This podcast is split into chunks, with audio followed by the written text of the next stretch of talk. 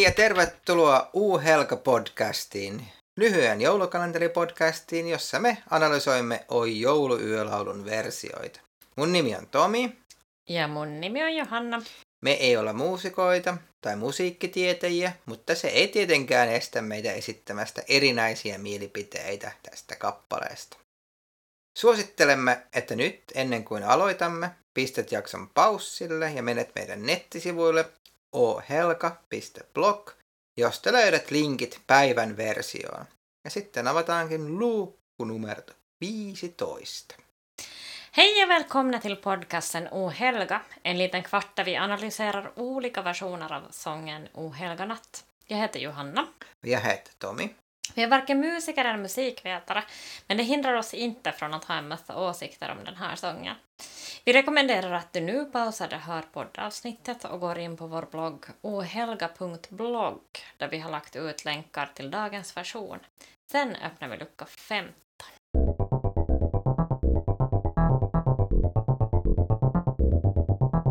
No niin, tämä oli siis yhdysvaltalaisen musiikkituottaja Steve Mouldinin versio Oh Holy Nightista mm. vuodelta 2009.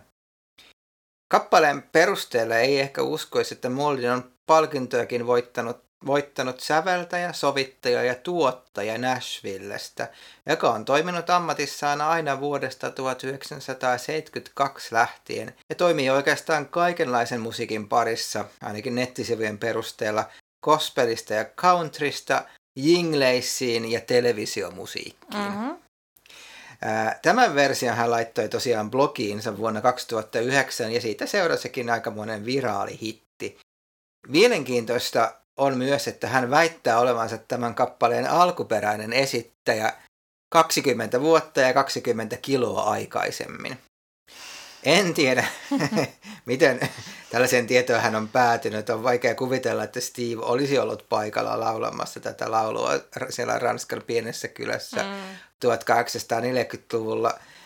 Mutta kenties aivan vakavasti Moldin ei tätä väitettä tehnytkään. Kappale löytyy Apple Musicistakin nimeltä Funny Oh Holy Night. Mm-hmm. Mm. No, kuinka funny tämä oli sun mielestä? Jaha, alltså jag tänkte så här, om de här tidiga alltså versionerna som vi har lyssnat på innan så har jag pratat om att eh, de kan framföras i konsertsalar, de kan framföras i kyrka och de kan framföras i film så här. Så det här tänkte jag att en sån version kanske som sen igen passar bra i duschen. Mm. Eller bilen. Mm. Aika hyvä. Mä oon kirjoittanut just, että tämä on se versio, jota mä laulan yksin autossa tai suihkussa. Precis, ja. Ja, jag, jag håller med. Jag håller med. Alltså det som jag tycker faktiskt är den här versionens stora plus så är ju att det är absolut mest känsla mm. hittills mm. på något sätt.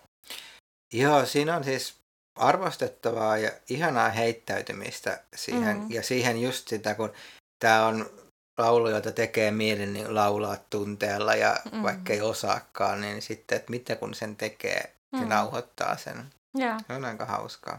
Jätteroligt. Um, och på något sätt, uh, jag tänker han har liksom samma, om man tänker på den här Backstreet Boys-versionen, Mm. Så det är samma liksom att sjunga med fingrar i ena örat. att man liksom försöker liksom jobba där för att hitta rätt toner. Ja. Men sen bara släpper man det och mm. kör på. Ja. Ja, ja kyllähän tästä, vaikka lauluakaan olisi, niin kuulee heti, että tämä taustaversio on sellaista niin kuin musiikkituottajan sellaista mm. valmiiksi tuotettua musiikkitaustaa, että siitä tulee myös vähän oma, oma fiiliksensä. Joo. Aika jännä sellainen niin kuin kyseenalainen asia on tässä, että kun mä tutustuin vähän tähän Steve Mulliniin, niin hän on aika uskonnollinen, tekee paljon niin gospel ja muuta musiikkia ja toimii aktiivisesti. Ja tämä lauluhan tuntuu melkein Jumalan pilkalta, jos ajattelee sellaisessa, että, että sitä niin kuin, mutta se on hauskaa, että voidaan nauraa sille, sille ja iloita siitä musiikista, mitä se sitten onkaan. Eller så kan man tänka det tvärtom också sådär att det spelar ingen roll hur man sjunger, det är liksom huvudsaken att man sjunger. Mm, mm. aivan, ihan totta. Joo. No, No sitten, se jännittävä kysymys. Mitenkäs meni Steve Maldinilta laulun tärkein osa, eli tämä viimeinen Holy Night? Tunnen. Tunnen.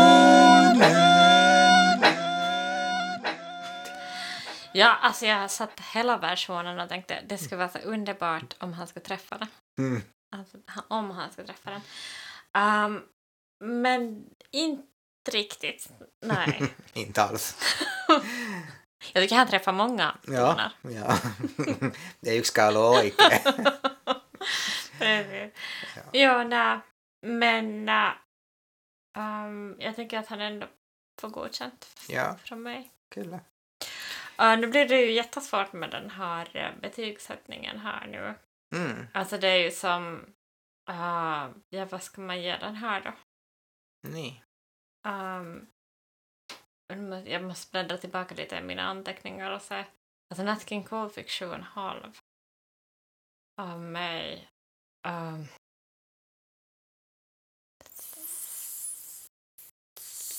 sju minus. Oho, Ja, noin paljon. Ja. Joo. ja. Alltså det är känslan som gör det. Nej, Mm. sex kanske. Mm. Sex och en halv. Ja, mun mielestä kanssa tää on niin hauska ja raikastuttava versio. Se saa vähän plussaa. Ehkä se menee siihen kutoseen. Mm. Kyllä, kuutonen annetaan. Mm. No niin, no tätä mieltä me oltiin Steve Maldinin versiosta. Mitäs ajatuksia sulla heräsi? Jos haluat jätä kommenttia meidän nettisivuille ohelka.blog. Kappaleet löytyy soittolistana sekä Apple Musicista että Spotifysta. Huomiseen, jolloin kuuntelemmekin sitten version hyvin erilaiselta artistilta. ja. Uh, så här tyckte vi om den här versionen av Moldin. Uh, kommentera gärna vad du tycker om den här versionen på vår blogg ohelga.blogg. Alla versioner vi lyssnar på kommer att finnas på en spellista på Apple Music och Spotify. Uh, du hittar länken till den här spellistan från ohelga.blogg. Vi hörs imorgon, då blir det en version som, ja, den är annorlunda från dagens i varje fall. Mm. Hej då! Moikka!